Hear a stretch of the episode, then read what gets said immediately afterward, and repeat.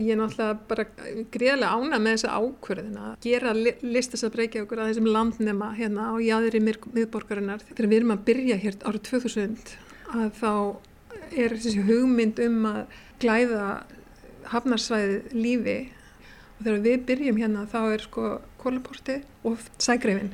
Annars var ekkert Ísraugötu, það voru bullur og það var ekki neitt annað og, og ekkert mannlíf en svo þegar maður sko og, og þegar ég fór hérna sko 2008 til Hafnarfjörðar þá var ég svolítið að veltaði fyrir mig hvort þetta hefði tekist. Ég var ekki alveg viss.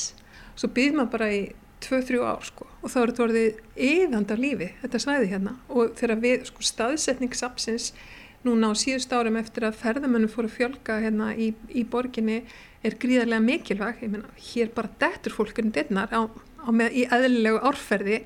Það er sko gríðarlega góða aðsókn ferðamanna að safninu þannig ég vil meina það að veist, við erum reyfið að í miðborginni, við erum hérna vettvangur fyrir listamenn en við erum líka marktakur valkostur í ferðarþjónustu og sam, samt höfum við líka sko, svolítið líka mikilvægt fyrir okkur að velta, gleym okkur ekki bara því gleym okkur ekki bara því að vera þessi staður heldur líka að einbytta okkur að því að þjóna nærsamfélagin okkar. Aðsók ferðamanna hefur dreyist öllítið saman, hún er alltaf svona smátt og smátt verið að mýka að þá höfum við bætt það upp með auk, aukinni aðsókt Íslendinga og þá við erum mjög stolt af því skiljið að, að við séum svona, við, það er okkar áhersla að, að þjóna okkar nærsamfélagi og skipta máli í íslensku, íslensku samfélagi. Ég vil meina að þetta hafi hefnast og það séu bara tækifæri hérna. Sagði Ólaf Kristín Siguradóttir, sapstjóri Listasaps Reykjavíkur. Hugmyndalistafólk er dölspekingar frekar en rökheggju fólk. Þau rapað álöktunum sem ekki nást með rökum. Hér er viknað í bandaríska listamannin Soldu Vitt en verk hans er nú til sínis í Hafnarhúsi. Listasab Reykjavíkur í Hafnarhúsi er 20 ára og af því tilefni lítum við í heimsókn. Það er full ástæð til að fræðast aðeins um þetta, þessa miklu byggingu Hafnarhúsið því að það er nokkuð gamalt þetta hús Eh, Pétur Ármannsson er byggingarlistfræðingur og hefur nú oft farið með okkur og hann er komin hérna, við ætlum svona kannski að rölda aðeins í kringum húsið og eh, heyra aðeins af því hvenar þetta var byggt og af hverju. Þetta er á uppfyllingu. Höfnin náði nú bara hérna, já hvað lánt, að Guðlahúsinu eða hvað, hvað var hún? Var hún að, að Fálkahúsinu? Strandlengjan upphaflega, já, hún náði að húsinu sem er núna gullt á litin og er Já. nú með tvö við vesturgötu, svo Bryggjuhúsið. Eh, það, það hús er bísna gamalt frá, frá hérna svona ríflega miðri, miðri 19. öld. Það var uppalega byggt bara í fjöru kampinum og bólverkið við fjöruna það er enþá sínilegt hann í bakportinu aftan við húsið. Upphaflega þá var, voru, sko húsið var nú lægra upphaflega og upphaflega voru göngi gegnum húsið þannig að þetta var svona eins og, þetta var eins og hlið inn í aðalstræti á sínu tíma byggt til að, til að mynda satt, satt fallega fyrir endan á gödunni eins og sjáum á, á eldstu ljósmyndum sem að tekna voru í Reykjavík, þar voru með teknar af aðalstrætinu og, og þar var húsið, þá var þetta hús komið og þannig að já, þetta allt sem að er svo hérna norðan við húsið alveg út af alveg út af núverandi gerskötu og hafnabakka, það er allt saman landfylling. Nú við stöndum hérna við gaflinn í, í grófinni. Þetta hús, af hvað tilöfn er það byggt?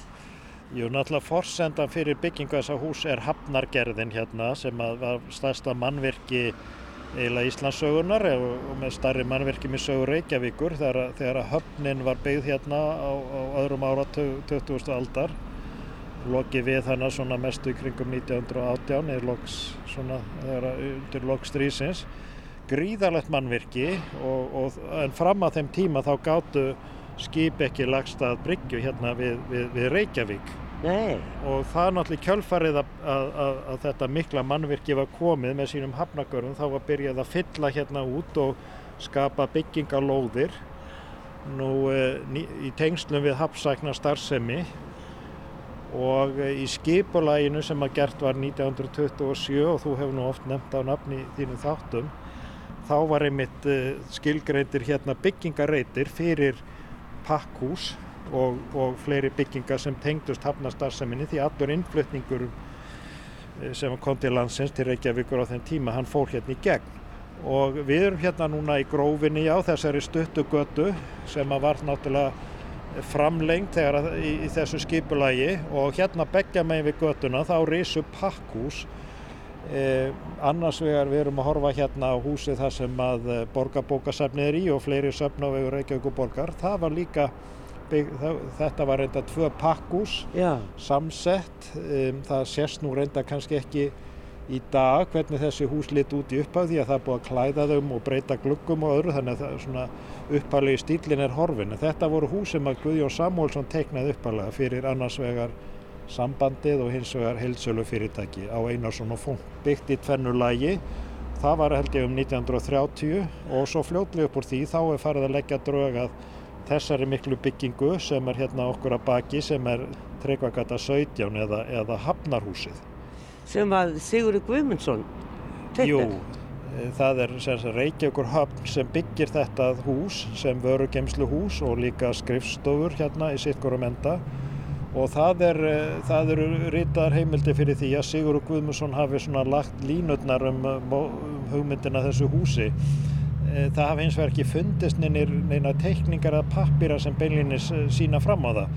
Þannig að það er, ég hef aldrei séð aðra teikningar á húsinu þar sem að sko starfsmenn hafnarinnar, Þórarinn Kristjánsson hafnarstjóru hans, hans samstarfsmenn, held ég að Sigurður Flýjöring og fleiri, þeir gerðu í rauninni uppdrættin á húsinu en væntanlega þá eftir einhvers konar forsögn eða í samstarfi Sigur. Allavega var þetta ekki verkefnin á hans teiknistofu, allavega hafa gögnin ekki varðist. En, en Sigurður er nú, er nú talinn af fleiri en einni heimild verið að hafa átt þátt í að hanna þetta hús og, og er nú talið sem eitt af hans merkari verkum.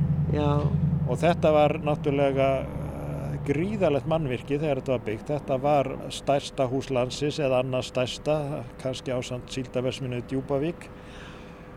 Og það var byggt í tvennu lægi, fyrri parturinn sem er hérna vestanmegin, hann var byggð, byrjað að byggja 1932 og ég held að það hafi verið lokið við húsið 1939 og það maður sér nú eiginlega munin á, á hérna þessum tveimur áfengum ekki mikið svo mjög í útliti húsins því að það var náttúrulega bara hannað sem einn heild. En, en þegar maður fer inn í listasafni og sér að það eru mismunandi tegundir af súlum það eru Já. þessar annars vegar þessar sveppasúlur sem eru hérna í sölunum nær, nær, nær vesturendanum og hins vegar einfaldar í súlunakerfi þannig að það er nú eiginlega svona breytingi sem varð með þessum tveimur áfengum sem það byggt. En það eru til gamla ljósmyndir sem sína bara fyrri áfangan á húsinu. En sko Hafnarhúsið var uppálega þrjár hæðir með mikilli loftað á hverju hæð. Á uppálegu teikningunum þá var glerþak yfir portinu já, ég hef nú aldrei séð ljósmynd ég hef aldrei uh, fengið þar virkilega á hreint hvort að það var eitthvað tíma byggt eða ekki. En, en hérna það er svona ímislegt á huldu í sambandi við sögu húsins sem þurft að kanna, kanna nánar. En svo kemur náttúrulega herinn 1940 og það er byggt þá er byggt svona bráðabyrða hæð úr timbri eitthvað, eitthvað onna húsið onna eila fjórða hæðin hvort það var að öllu leitið að hluta til. En svo hún, hún brann nú en eh, síðan var eftir stríð þá var, þá var ákveð að bæta að hækka húsi, bæta við fjórðu, fjórðu hæðinni það og eh, hún er að hluta til úr timbri eh, eða ekki, ekki sko steinsteift og þá var eiginlega svona svolítið lokað fyrir þann möguleika að setja glerþakið allavega eins og það var átt að vera samkvæmt uppalegri teikningu. Þannig að ég hef nú séð tillögur eftir Einar Sveinsson bæjararkitekt um að, að byggja fleiri hæður ón á húsið. Það var nú eiginlega sko þegar maður voru að byggja, huga að því að koma fyrir fundasal fyrir borgarstjórn og fleira að nýta þennan bygginga, þessa byggingalóð sem er ón á húsinu því að húsið er eiginlega svo stórt að það er þetta skilgreina þakið á því sem byggingalóð. já, það er nefnilega, það ég nú ekki eirt á þér. En ég, ég veit ekki hvort að við getum farið hér fyrir hótni Pétur því að ef leiðum vanaðum þegar maður kemur hér fyrir þetta hótt, hafnar megin, þá kemur bara ískaldur norðan vindur vind í fóngið á manni. Já. Já, já, já, það er nú alveg þokkalegt í dag. nei, nei. Það eru svolítið fallegar þessar, eh, já, hvað maður að kalla þessi rúnni, sem að breytir svolítið húsinu og setur svona annan svip á það. Það eru svona rúnnaðir gluggar hérna á tveimur stöðum Já, þetta er svona, svona eins konar turnar tveir. Já, þetta er, þetta er náttúrulega hérna, tengi skrifstofum hafnastjórna sem voru hérna, menn vildu Já. náttúrulega hafa, þetta er svona eins og, eins og svona, já, hvað, svona varðturn eða, eða skipsbrú. Já, já. Það er vantilega hugmyndinn. Annað sem ég kann veða vel við þetta hús, það eru, það eru, þetta er náttúrulega gríðarlegt bakk þetta hús, en, en hotnin á því hérna, þau eru svona rúnuð. Maður getur ímyndað sér, sko, sjálfsagt var það nú líka út af, af hag, hagsýni ástæðum að menn myndu, hérna var mikil umferð og menn voru eflaust ofta að reka sig í hotnið ef það hefði staðið út, en þessi, þessi, þessi bogi hérna á hotnunum, hann gerir mikið til að létta þetta mikla steinbák. Hér hafa verið ráðuneyti, ég held að sé nú ekkert ráðuneyti eh, lengur í húsinu. Uh, hafskip var í þessu húsi. Það er náttúrulega ennþá heilmikil önnur starfsemni en listasafnið í húsinu. Já, já, skrifstofur hafnastjórnar eru, eru hérna ennþá og það hafa ímis fyrirtæki hérna eh, tengt sjávarútvegi og, og, og, og, verslun, heilsölu verslun, við skiptum skipum, hafa verið með leigu aðstöðu hérna. Það hús er eiginlega byggt þannig að sko miðhlutin á húsinu, eiginlega milli þessara turna, þar sem portið er, það voru vörugeimslur og síðan voru sitt ykkur um endanum eins og sjáma á gluggaskipaninni þá voru skrifstofur og það voru stígahús eins og þetta var mjög skemmtilega úthugsað. Og mörguleiti er þetta algjörlega einstakt hús bara í okkar byggingasögu af því að þetta er svona það var náttúrulega ekki mikið byggt af svona stórum yðnaðamannvirkjum á Íslandi svona, svona, svona atvinnuhúsum á þessum tíma sem var svona mikið lagt í og alveg sérstaklega er þetta hús skemmtilegt út af einmitt út af portinu og hvað það var var úthugsað út frá notagildi. Þetta er náttúrulega frábært dæmi um funksjonalisma og eitt kannski að líkil verkum þeirra stefnuð frá, frá uppás árum hennar þarna eftir, eftir 1930 og af því, að, af því að þetta hús er svo ljóslega hannað í kringum notagildi og leysa, leysa sitt hlutverk vel. Já. En listasafnið það er sem sagt í þeim hluta húsins það sem voru áður vörugemslur, uh, svona langmestu leiti. En þú vannst nú hérna í eina tíð, Jú. í húsinu varst arkitekt hjá, hjá listasafninu og byggingalistfræðingur þar en ég held að sér búin að leggja þær stöðu niður á öllum söfnum. Þar með kom ég hér í þetta safn alla daga meðan þú varst hér. Hvernig finnst þér safnið og hvað var tiltekist með það? Sko, safni var náttúrulega, ég, ég fylgdist náttúrulega líka með þegar verið varðið að taka þessar ákvarðanir og, og í rauninni hanna þessa breytingu, þetta húsrými og það var haldin um þetta svona lítil samkeppni og, og skilaðin held ég sex aðila sem skiluðin tillögum og, og Studio Granda var með áberandi skemmtilega tillögu sem að, að því að þau teng, tengdu hana sko inganginn og þennan ás sem að liggur í gegnum húsið Þau tengdu það sko gamla, gamlu bryggjuhúsinu við Vesturgötu og stefnun á bryggjunni. Vildu halda því sem svona sjónás í gegnum og sáu fyrir sér að það var hægt að opna bryggjuhúsið og horfa í gegnum þessar tvær byggingar í áttað esjunni. Já, það var mjög falleg hugmynd og, og margt mjög hugmyndsamlega list en auðvitað náttúrulega kannski takmarkaðist uh, það, það var eiginlega svona listasafni var svona hálpartin að gera innrás í, í, í hérna konungsríki Reykjavíkurhafnar með því að fá þetta pláss og hafði í raunin ekki fulla stjórn á því hvað var hægt að gera. Það var til dæmis ekki inn í myndinni ef ég man rétt á sínum tíma að gera það sem að þó hefði kannski verið augljósast sem var það að byggja aftur glerþak yfir portið og hafa í rauninni þungamiðju sapsins þar. Það var ákveðið að, að gera það ekki og það var svolítið, ef ég man rétt þá var það nú svolítið viðkvæmt mál að einhvern meginn kærði hafnastjórnin sé ekki um að listasafni væri að fara að leggja undir sig allt húsi. Þannig að þetta var svolítið mikið á þeirri forsendu að safni fengi svona inni í þessum vörugeimslu hlutum sem stóðu tómir. Það var jú nöðsynlegt að tengja, gera einhvers konar tengingu við portið vegna þess að síningarými voru jú sitt voru megin við þetta port án þess þó að í rauninni að byggja yfir það að gera það sem hluta.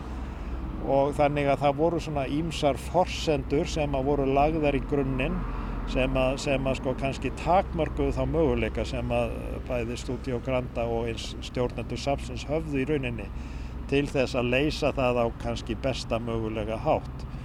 Og til dæmis eitt af því sem að væri sem vantar og, og, og væri ákjósanlegt að leysa úr er, að, er einhvers konar ringtenging á annari hæðin hans þetta gangi ring ekki þannig að safni líður svolítið fyrir það að það eru allir salinir eru svona botlangar út frá þessum ás. Já. Nú annað sem er náttúrulega takmarkar húsið pínulíti sem, sem listasafn.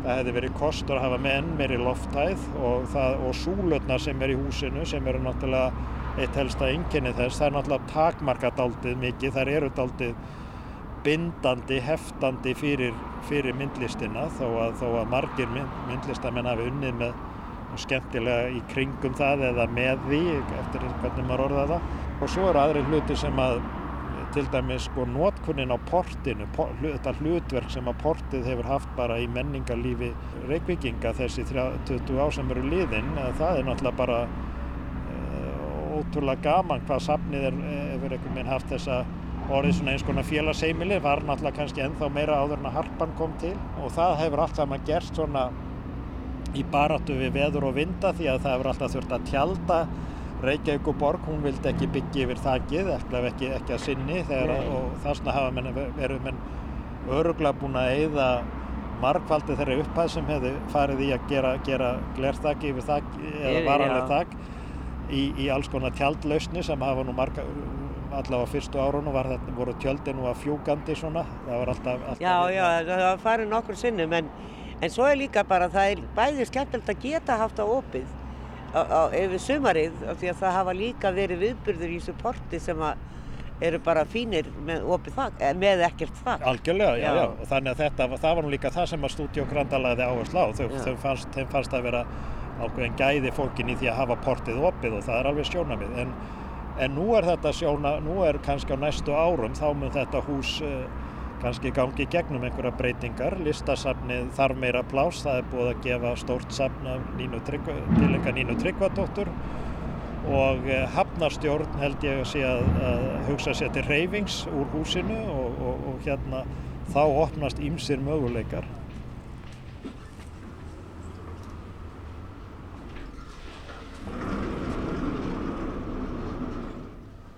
Eins og fram hefur komið þá er þetta gammalt pakkhús eða vöruhús og eh, var alls ekkert ætlað sem listasafn á sínum tíma. En það var eins og er afráðið að opna hér svona kannski aðal sali listasafnsins í þessu stóra húsi þó að sé alls ekkert að vera, verið að nota allt húsið en ágóðan hlut á því. Arkitektarnir Steve Kreister og Margaret Harðardóttir hjá Studio Granda voru fengið til verksins. Við stöndum hérna í safnabúðinni, ég man ekki var hún hér í upphafið því þetta er svona Eh, má kannski segja setni tíma hluti af söfnum, listasöfnum að hafa safna búð. Þetta var alltaf, það hefur ekkert breyst hér í rauninni frá því að húsu opnaði. Já. Þannig að þessi búð var hér, hún var aldrei svona minna, það var ekki allir þessi vagnar hér, það var svona minna úrval. Já. Svo hefur hún bara bætt við svo það plássiði nóg, svo hún er svona mikið lítríkar en hún var í upphauði. En hver var eitthvað svona grunn hugmynd?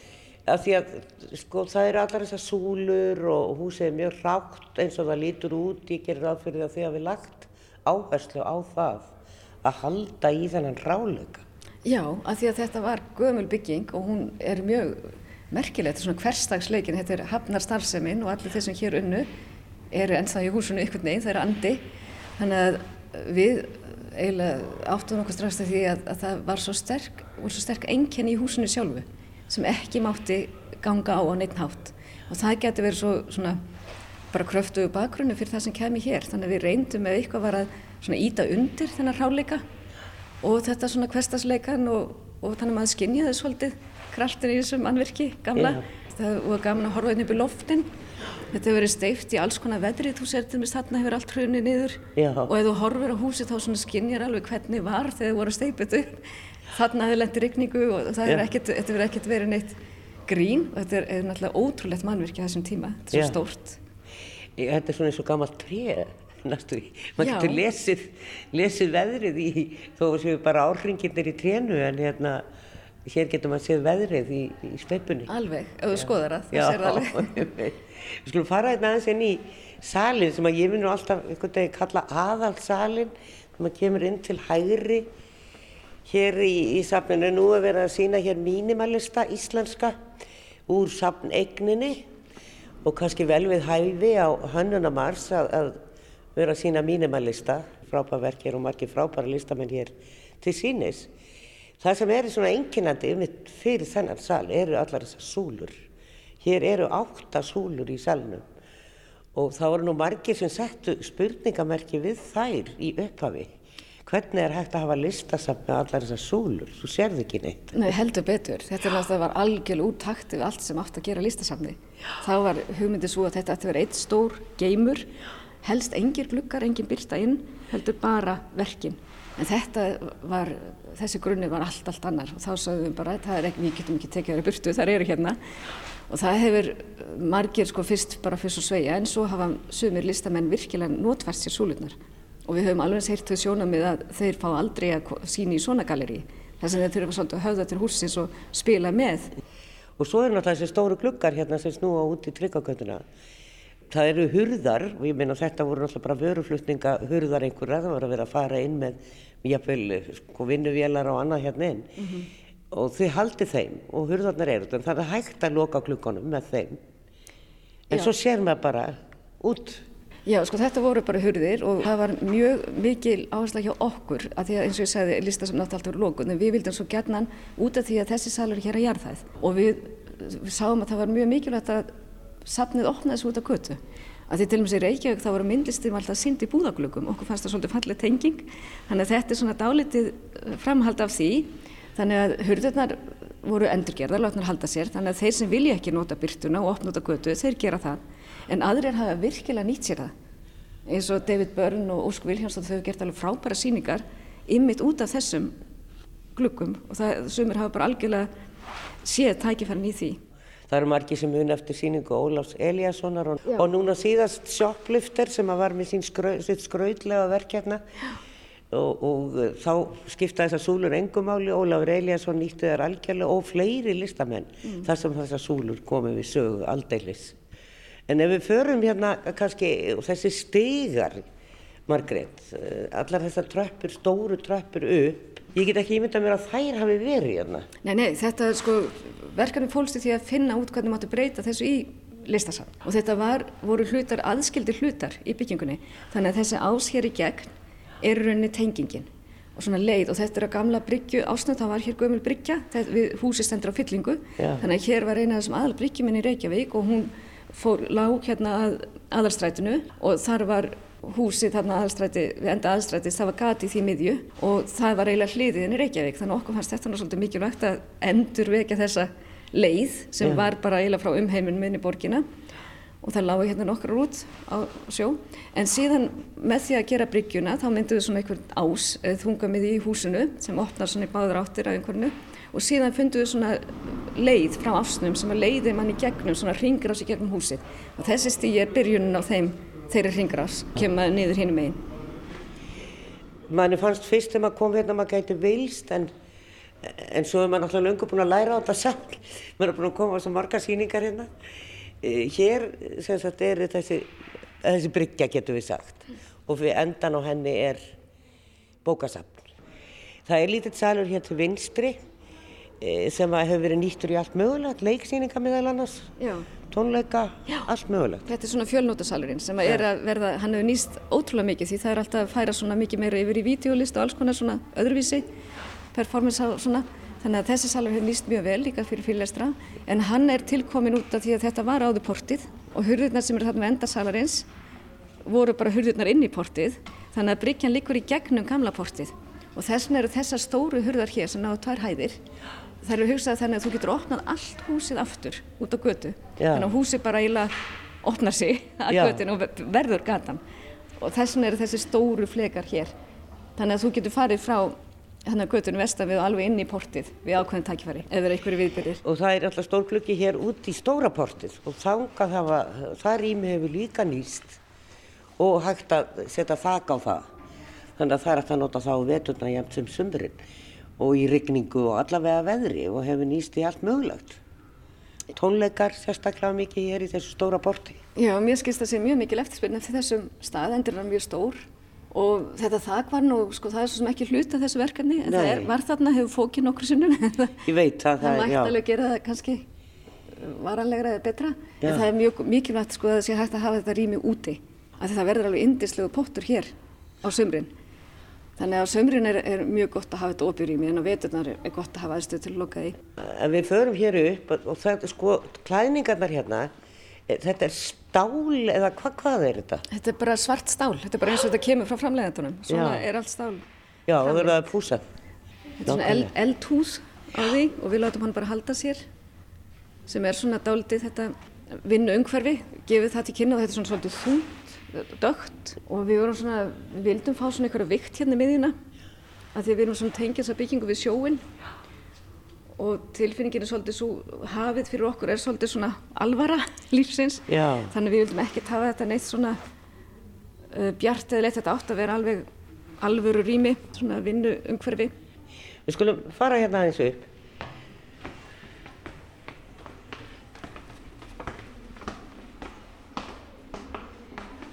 Svo yðurlega hér er eh, errósýning og svo er nú líka en í hinnum sölunum er eitt og annað eh, sem er til sínis í styttri tíma en errósýningun er svo sem skipt út líka að það eru svo ótrúlega mörg verk sem að safnin á eftir, eftir erró.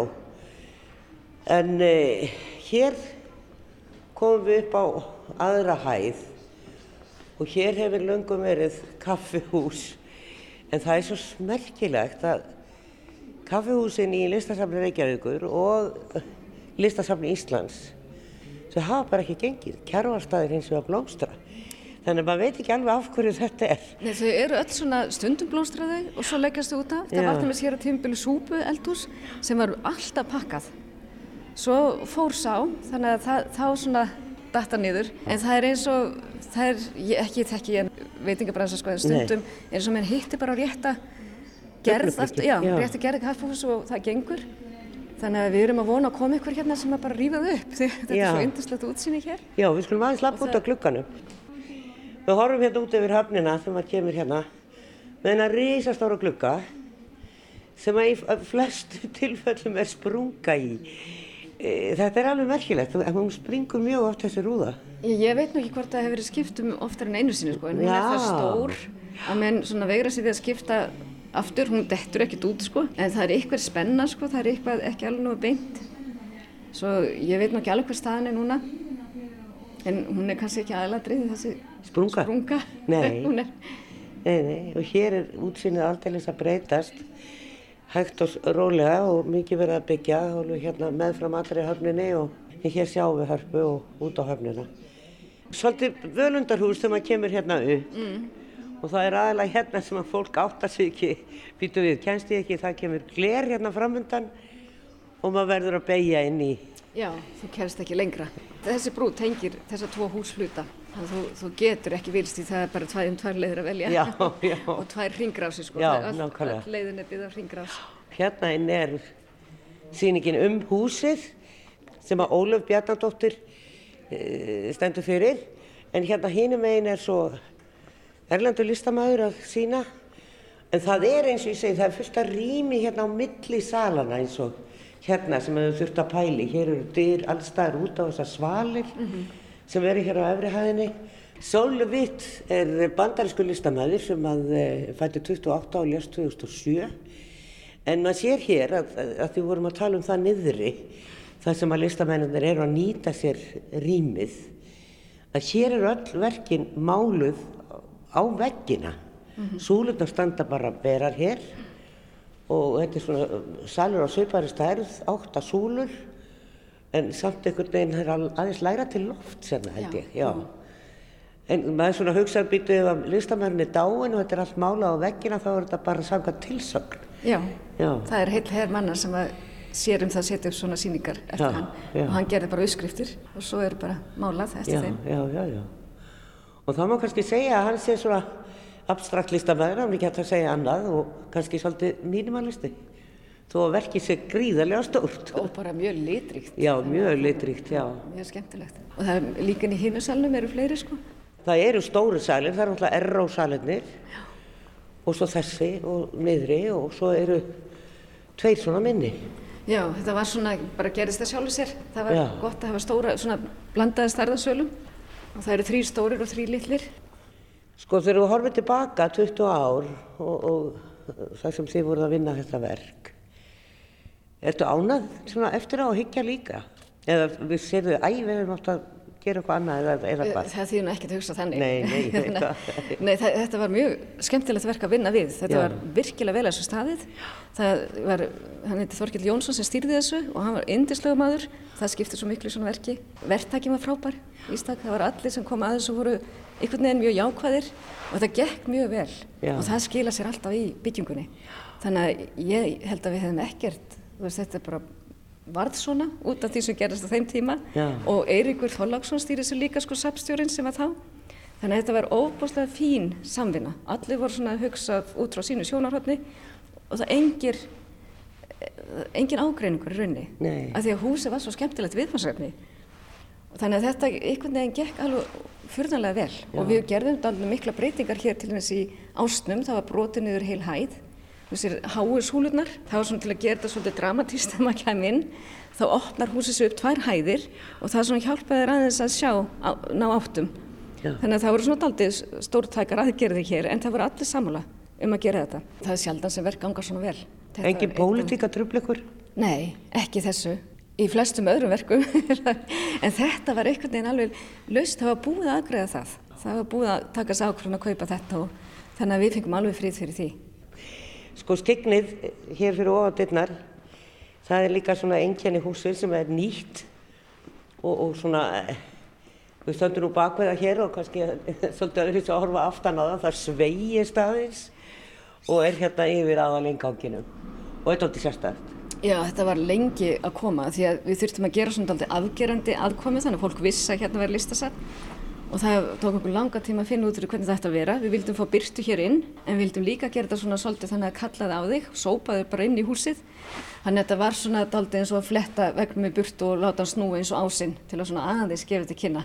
Hér er eitthvað að gerast. Það var ekkert erfitt að steipa. Jú, jú, jú, jú, og lifta þess, en það er ótrúlega hvað menn gerir í byggingaríðræði. Þeir bara hika ekki við svona. Það sem okkur finnst algjörlega ógerlegt, það bara hugsaði sig ekki um tvisar, sko. Nei. Þannig að þetta var, jú, rosalega þungt og þurfti að lifta þessu upp. Það var steift annars staðar og svo var það bara sett á sín stað. Og hér komum við að sýningu Ólafar. Hafnarhús, pakkhús hugmynda í miðborginni. E, Þetta er yfirskrift sýningar sem er hér í Hafnarhúsinu. Ólaf Bjarnadóttir, safnafræðingur, er e, sýningarstjóra þessar sýningu og sett hana saman. Og hér er svona verið að rekja sögu listasafnsins hér í Hafnarhúsinu. Listasafn Reykjavíkur er náttúrulega eldra en það. En e, það eru 20 ár síðan að hér var opnað og eins og komið hefur fram. Við erum staddar hérna, ég og Óla Bjarnadóttir, hún lærði arkitektur í LHI og er með BA í arkitektur og síðan e, var hún að klára núna mastersritgerð í safnafræði við Háskóla Íslands gerir ég ráð fyrir. Já, það er Já. rétt. Og e, þú velur að taka Hafnarhúsi hér í- Reykjavík en í ritgerðinniðinni ertu líka að tala um Tate Modern í London sem er náttúrulega miklu, miklu starra safn og, og svona ertu eitthvað að bera það saman. Við komum að því en við skulum bara byrja hér. Þetta er náttúrulega eh, sko hús sem að var vöruhús, pakkhús, þetta, það voru ímis fyrirtæki í húsinu, þetta tengdist mikið sjáarútvegi og var náttúrulega ekki byggt sem listasafn. Og síðan koma arkitektar að því. En við skulum bara byrja því að uh, tala aðeins um hvað þú varst að pæla með þessari sýningu og þessum, já, þessari pælingu þinni um í safnafræðinni. Já, ég sagt, er svolítið bæði sem sagt, í þessu verkefni mínu og hér á sýningunni. Þá eru svolítið velta sagt, fyrir okkur svolítið líka hlutverki sabbygginga í borgarrýminu. Til dæmis hérna erum við með gamla ljósmyndir af Hafnarhúsinu þar sem við erum svona aðeins að líta til fortíðar og þá vildi ég reyna að draga svolítið upp mynd af svona Hafnarhúsinu og það að Hafnarhúsinu hefur verið þáttakandi í Reykjavíkuborg, bara í borgarlífinu, bara frá upphafi, frá því að það er sérst byggt. Og bæði náttúrulega gegnum atvinnustarfsina og hafnastarfsina sem að, hérna, var sérst í byggingunni. En það líka, ég tók eftir því því ég gerði smá leit, fór hérna í ljósmyndasöfn að reyna að finna einhverja skemmtilega ljósmyndir og þá rakst ég á mikið af ljósmyndum þar sem að það er alveg gríðalegu mannfjöldi sem að stendur á hafnabakkanum fyrir framann hafnahúsið. Þannig að þetta hefur verið, þetta var náttúrulega svona tengipunktur reykvikinga við umheiminn á þessum tíma og þetta er svona staði þar sem fólk sapnaðist þá oft saman í sambandi við annarkvært komur eða brottfæri skipa. Þannig að það hefur oft verið mikið líf í kringum húsið. Maður sér hérna, ég veit, það er fyrir dugir þúsunda hérna, þetta, síðan hvernig er þessi mynd? Þessi mynd það, er frá 1945 og þetta er, þetta er fólkir að býða eftir að það komi hérna skip með um 300 Íslandingum sem hefði orðið innleiks á Norðurlandunum í setni heimstyrjöldinni. Þetta er Petsamósiklingin. Já, og það er sérstaklega já, gríðalegu mannfjöldi búin að sapna sérna saman í, þau virðast verið í svona fínasta pússi og það er rosalega skemmtilegt líka að sjá allt fólki sem er ofan á hafnarhúsinu. Þetta er fræðsegling, þarna komum margi merkir íslendingar já. og fólk sem var í námi og allt mögulegt sem var að koma heim og þetta tók langan tíma að koma þessu fólki heim þannig að já. það eru margir e, og þetta er náttúrulega þetta ungt fólk en það eru margir lifandi ennþá sem að myrja svolítið eftir þessu. Já. En já, svo er hérna bara svona myndir af hafnar starfseminni og, og þetta er Guldfoss að sjálfsögðu og þá er fólk á, á, auðvitað á hafnabakkanum að taka mútið Guldfossi. Já, og vildi líka svona aðeins reyna að fara að sína sko hvað náttúrulega þetta hafnarsvæði hefur tekið miklu breytingum og þannig að fólk sjáu sko hversu, ég minna, einu sinni var hafnarhúsi bara alveg á hafnabakkanum. Nú er hérna alltaf búið að gera þessar uppfyllingar þannig að það er orðin leng, lengra í hafnina. Hér eru teikningar. Hérna eru sérst með uh, gamla teikningar til að bara sína hvernig þetta var allt og þá er ég til dæmis með svona afstöðmynd hérna sem að einmitt út af því að er, við erum svolítið velta upp þessum tengslum við borgarímið þá er hérna afstöðmynd sem að sagt svolítið vel hvernig portið náttúrulega því það var hægt að keira bara algjörlega gegnum portið, það var alveg opið og síni vel þessi sko tengingu við bara gödurnar í kring já, við borgarimið. Þannig að þetta var bara eins og hálfgerður hluti af gætnakerfinu bara þarna á þessum tíma. Svo við reyfum aðeins upp fyrir hlustandur og þá heita þessar gödur eh, sem sagt austan og vestamegin við Hafnarhúsið, eh, Grófin og Nöstin og þetta er svona nöfn sem að vilja kleimast fólk mann kannski Grófina út af bókasafninu en Já, Nöstin það er svona nöfn sem sem að hverfi. Mörg uh, safnrýmis. Þetta er, þetta er svona bara já, tæknilega til að sína, sína stærðina. Já, þetta er samt þessi kannski veggur, hann er svolítið svona, hérna verið að fjalla svolítið um þessi tengsl byggingarnar við borgarímið og eiginlega hvernig það líka svona endurspeglast í hérna hönnun Studio Granda og þá til dæmis að teki dæmi hérna um skignið við þarna aðalingangin. Þá er svona verið að velta upp hérna þetta þessi mörg sabrimis og, og sérstaklega og borgarímis. Þau geta verið svona mjög skýr eða þau geta verið gerð óljósari með ýmsum hætti og meðal annars þá í gegnum hönnun sabbyggingarnar. Annarkvort þá að kannski sabbyggingin er að tegja sér út í borgarímið eða borgarímið er að tekið inn í sabbygginguna. Og þetta eins og skikni til dæmis er svona aðeins dæmi um þetta því þetta er svona eins og, það lítur út eins og hluti af húsinu sé svona að tegja sig út í borgarímið. Þannig að þá kannski er þetta að ræða þessum að þarna verði aðeins svona og þetta er bara í saman aðeins við í Tate Modern, þar er sérst við aðalingangin, þar er svona rísastór rampur sem tekur á móti gestum og leiði þá inn í svo kallan turbínusal og þá var ég alltaf að bera þetta aðeins saman, þetta er náttúrulega mjög ólíkt en það er einmitt svona tegið sér aðeins út í borgarímið og sérst byrjar að halla fyrir utan þar sem gesti gangi inn og síðan heldur áfram að halla alveg inn í turbinusalinn, endilagan. En það þýðir náttúrulega þá að teit mótan sem að fólk veit kannski ekki mm, hér á Íslandi var ekki byggt sem samt. Nei, akkurat. Þess vegna var gaman að bera þessi söp saman því að þau, e, þó að þetta sé náttúrulega gríðarlega ólíkur skali, um, þá hafa þau samt ímislegt sammeilegt. Þetta er þess að bæði hérna, hérna listasabreikjavíkur í Hafnahúsi, þetta er þess að komið fyrir í byggingu sem hefði allt annað tilgangi upphafi, til dæmis Tate Modern, þetta var svona skumlu rafstöð sem var umbreytt í listasafn af hérna Herzog og de Moiran arkitektastofunni og það er líka skemmtilegt að þau sérst opniðu sama ár, árið 2000 þannig að þetta er sérst þessi hönnun á þessum bá, báðum sambyggingum er að, að eiga sér stað á alveg sama tíma. Tate Modern er alltaf mjög stórt sapn og það endur speklast mikið í því svona þessi svona helstu ströymar og áherslur sem voru sérst í hönnun á þessum tíma í kringum aldamótin hérna, og þess vegna er gaman svolítið að bera þetta saman. og það var svona, kom ímislegt í ljós með að, að hérna, þau eigum ímislegt sammeilegt þó að þau sem afar ólík samt Já, líka. og það þá helst kannski að vera byggð sem eitthvað annað Já, sem en annað. eitthvað fleira.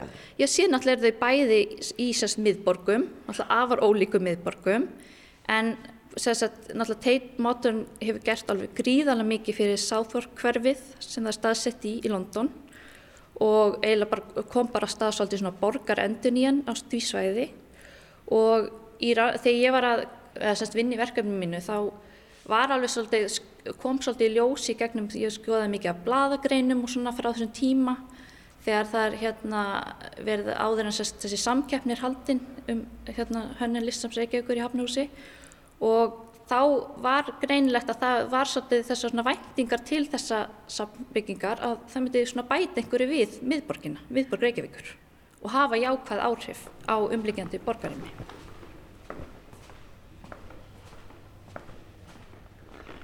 Þá nú eiginlega ekkert eftir nema að tala við safnstjóran og það er Ólaf Kristín Siguradóttir hér í listasafni Reykjavíkur. Já, þú ert þá safnstjóri yfir öllum safnunum þremur eða hvað? Jú, við, við regum þrjú safnhús, það er Kjærvalstaðir, Ásmundarsafn og svo hér í Hafnhúsi. Já. En 20 ára amalið er hér í þessu húsi sem við erum svona vekja aðtekla á. E, og þá er eiginlega bara svona stóra spurningin er hvort að safnið fungerar eftir allt sem að það er búið að vera reki hér í 20 ára og það, þá gæti arkitektunum, Margréti Harðardóttur, þá hefur, það hefur einhver verið breytt hér í húsinu. Byrjaði að svara bara þessari spurningu hvort það fungerar, svo sannarlega fungerar það. Kröfur tímas breytast. Þegar þetta hús var gert fyrir 20 árum síðan var margt að gerast í safnaheiminum. Kanski hefði, væri teknar aðeins öðruvísi ákvarðanir í dag, þó ég sé ekkert að setja út á þær ákvarðanir sem voru teknar þá, að þá eru svona hlutir eins og til dæmis bara uh, fræðslurými, rými fyrir samkennslu, rými fyrir almenna fræðslu bara og svo rými þar sem að samgesturinn bara hangir svolítið. Og við höfum vissilega sko þróað hérna nýra á fyrstu hæðinni þar sem að er þetta glæsilega bókasafn við höfum þróað það er rými svolítið í þessa átt. Þannig að það er ekki lengur þetta sama bókasafn og var í upphafi eftir fyrir 20 ára síðan það sem að það er raunin hannað utan um bókasafn safnsins sem að meira orði bara svona innra vinnubókasafn og er bara geimt hérna upp á þriðju hæðinni í, í hérna vinnurýmin okkar. Þannig að það er svona, svo, það er svona litli hlutir sem hafa svolítið breyst. Svo er ég alveg vissum að menn hafa líka séð fyrir sér eh, fyrir 20 árum síðan að, að sko portið væri meira síningarými og þá kannski meira útiverk sínt þar. Og það hefur ekki gengið svo mikið eftir og það er mjög margar ástæði fyrir því og, og sérstaklega kannski svo ástæða að, að það er þá þurft að forgangsraða í það. Þetta er svona áskorun, þetta rými og það er gaman að gera spennandi hluti í, í, í rými sem er mikil áskorun en, en við höfum valið að, að hérna, leggja áherslu á salina. Og svo náttúrulega er porti líka mjög lifandi á annan hátt. Það er sko, þar eru tónleikar og það er alls konar fólk sem á erindi hérna í safnið, í safnhúsið undir öðrum formerkjum heldur, en endilega að vera komið til þess að hérna njóta hins einstakar listaverks í þessum fullkomnu síningasölum. Það er bara svona leið til þess að lækka þröskuldin inn í safnið og gera það meira að svona allra.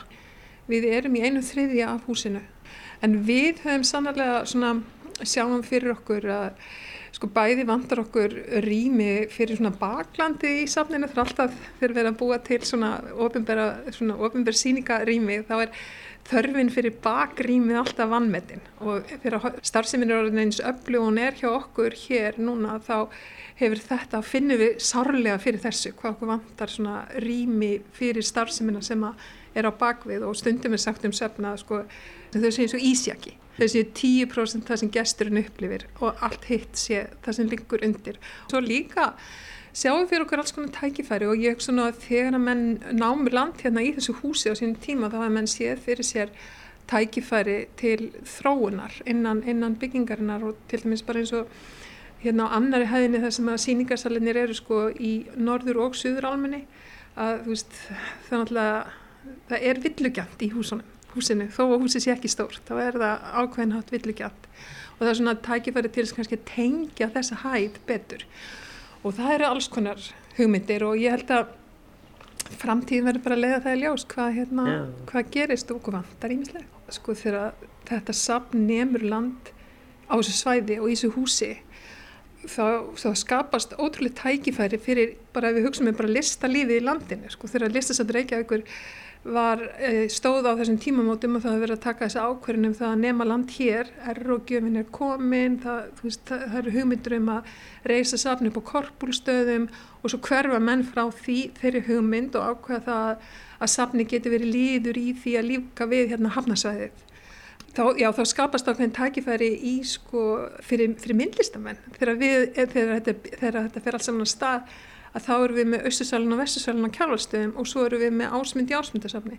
Þannig bara ímyndar þér sko tækifærin og áskorannar fyrir íslenska myndlistamenn sem hafa skapað síðan á þessum 20 árun síðan þetta hús var opna Já. þá er það bara þá það, hefur, hefur orðin sko grundvallar breyting. Við erum búin að vinna sko beint með meira heldur en á þessum 20 árum, meira en 200 listamannum og þá eru oft sko verið að sína hér í fyrsta sinn verk sem að verka eftir íslenska myndlistamann. Og síðan höfum höf við lagt áherslu á það að þetta hús sé í, okkar húsum ákveðin gátt út í heim. Þannig að hér sé líka hægt að kynnast uh, áhugaverðum hlutum ellendis frá og ef við erum að tala um þennan fjölda þannig að það er sérstaklega greiðlegu fjöldi íslenskra listamanna sem er hér að vinna náið með okkur á þessum árum. Og svo höfum við sínt sko verk eftir meira heldur en 500 listamenn sko, það sem við erum bara að nota verkur okkar sapneign eða verk sem við fáum lánu frá öðrum en er ekki svona beinu sambandi við listamenn. Þannig að þetta, er, þetta hús hefur verið, verið algjörlega algjör tímamót þegar þetta hús var opna, þetta sapni var opnar hér Við nefndum hérna portið í upphafi og uh, þar hafa sagt, verið upp á komur. Ég hef líka séð verk þar svo sem og, og verk sem þóla veður og vinda. Pétur sagði okkur frá því að það hefur verið hugmyndur um að byggja gler þakka yfir. Það er hægt að loka því með þakki sem hefur nokksunum fókið. Það hafa margir komið hér á frábæra tónleika og brúðkaup og ammælisveislur og ég veit ekki hvað og hvað. Þetta er mjög lifandi vettfangur og sko vissulega væri tækifæri fólki í því að gera varanlega lausn á portinu. Þannig að gæti verið bæði inni og út í rými og það hefur, við hefum séð svo sem fyrirmyndir af því víða um heim en það sem að sko er svona byggt yfir samt sem að það er hægt að reyfa þetta því það er líka ákveðin sjarmi í þessu út í rými sem er þarna sko. Þetta, það er svona gaman að breytist ekki algjörlega í hérna innisal og hérna svo er þetta líka bara það er alls konar praktísk atrið eins og bara loftræsting kemur þarna úr loftræsting fyrir húsið kemur úr portinu fyrir hluta á húsinu þannig að við þurfum að hafa aðgang. Og margir sem að þekka þetta hús kynast þessu húsi fyrst í gegnum portið. Mér, mér til dæmis, sko við höfum verið vettvangu fyrir Æsland Airwaves í langan tíma og það er okkur mjög mikil sýði, okkur finnst það frábært að geta verið sá staður og til dæmis þegar við erum að gera eitthvað gestakannanir þá erum við mjög ána með það að sko, sko aldur gesta í þessu húsi er mjög jafn. Sko yfirleitt í söfnum þá eru helstu gestirnir eru sko hérna 45 til 55 ára gamlar konur. En hér erum við með miklu miklu jafnar skipting og sko hérna fyrir tveimur árum þegar við tókum þessar tölur að þá var sko stærsti hópurinn okkar var 18-35 ára og það, hann var ekki mikið stærri heldur en aðrir hópar en samt sem áður, það er samt sem áður árangur að ná til þessa hóps. Svona í lokina því þú talaðir um að það vantaði kannski svona meira rými þar sem að gesturum getur eiginlega bara hangið. Og við sittum hérna, horfum, við sittum á kaffistofinni sem að er, já hér eru borð og sófi og, og það er hægt að næla sér í kaffibólla hérna. En það er ekkert kaffihús hérna núna og við höfðum nú svo sem orða á þessu ég og Margrét að, að, að það hefur einhvern veginn ekki gengið hér og í listasafni Íslands að reka kaffihús eða matsölustad en gengur hins vegar ljómandi vel á kervalstöðum Hvað er svo mikla áherslu leggið á það að þetta verði? Er þá eftir að breyta þessu kennslurými eða hvað, hvað viljið þið gera með þetta pláss hérna? Við, við viljum náttúrulega helst að það, það sé kaffihús hérna en við viljum líka að það sé kaffihús sem hefur rekstargrundvöld og til þess að það geti orðið þarf að gera ákveðna breytingar og hver veit nema það verði í framtíðinni var gaman að sjá það hugsað í samhengi við frekar breytingar á húsinu ef, að, ef af þeim verður. Eins og er þá viljum við bara að fólk geti til sér hérna og fólk geti fengið sér kaffibólla og við erum bara að bjóðum upp á kaffi. En sko rekstur á kaffihúsi, þetta er líka svona ákveðin forgangsröðin, þú veist, viljum við forgangsröða því að reka sjálf kaffihús hér sko fram yfir það að halda síningar og við kannski, við höfum forgangsröða síningunum en við viljum hins vegar náttúrulega, það er partur af upplifun upplifunina því að koma safn, er einmitt þetta, geta sest niður og noti veitinga en við erum bara velja að hafna og, og mm. hérna, eins og þetta er núna sko, það er búið að vera greiðlega góð aðsögn hérna í gögnum áriðin sko. Veist, hér hafa komið meira heldur en einu hálf miljón gesta síðan við opnum og fjöldi gesta núna á síðust árum var komin yfir 100.000 á ári bara í þetta hús Sagði Ólaf Kristín Sigurðardóttir sapstjóri Lístasaps Reykjavíkur. Það er ímislegt um að vera í sapninu sem endra nær. Auk þeirra síninga sem hér hafa verið nefndar stendur yfir Hannunamars viðsvegar um bæin og meðal annars í Hafnarhúsinu, þar sem margt forvitnilegt er að skoða. Varðandi kaffihús, þá eru nokkur í námynda við safnið, bókakaffi hínum með við göttuna, kaffi Aleppo, aðeins lengra eftir tryggvagötunni og enn lengra eða bakar í deg í Hotel Exeter í námunda við Norðustík. Og þar með látu við þessari umfjöllun um Hafnarhúsið 20 ára lokið. Verðið sæl.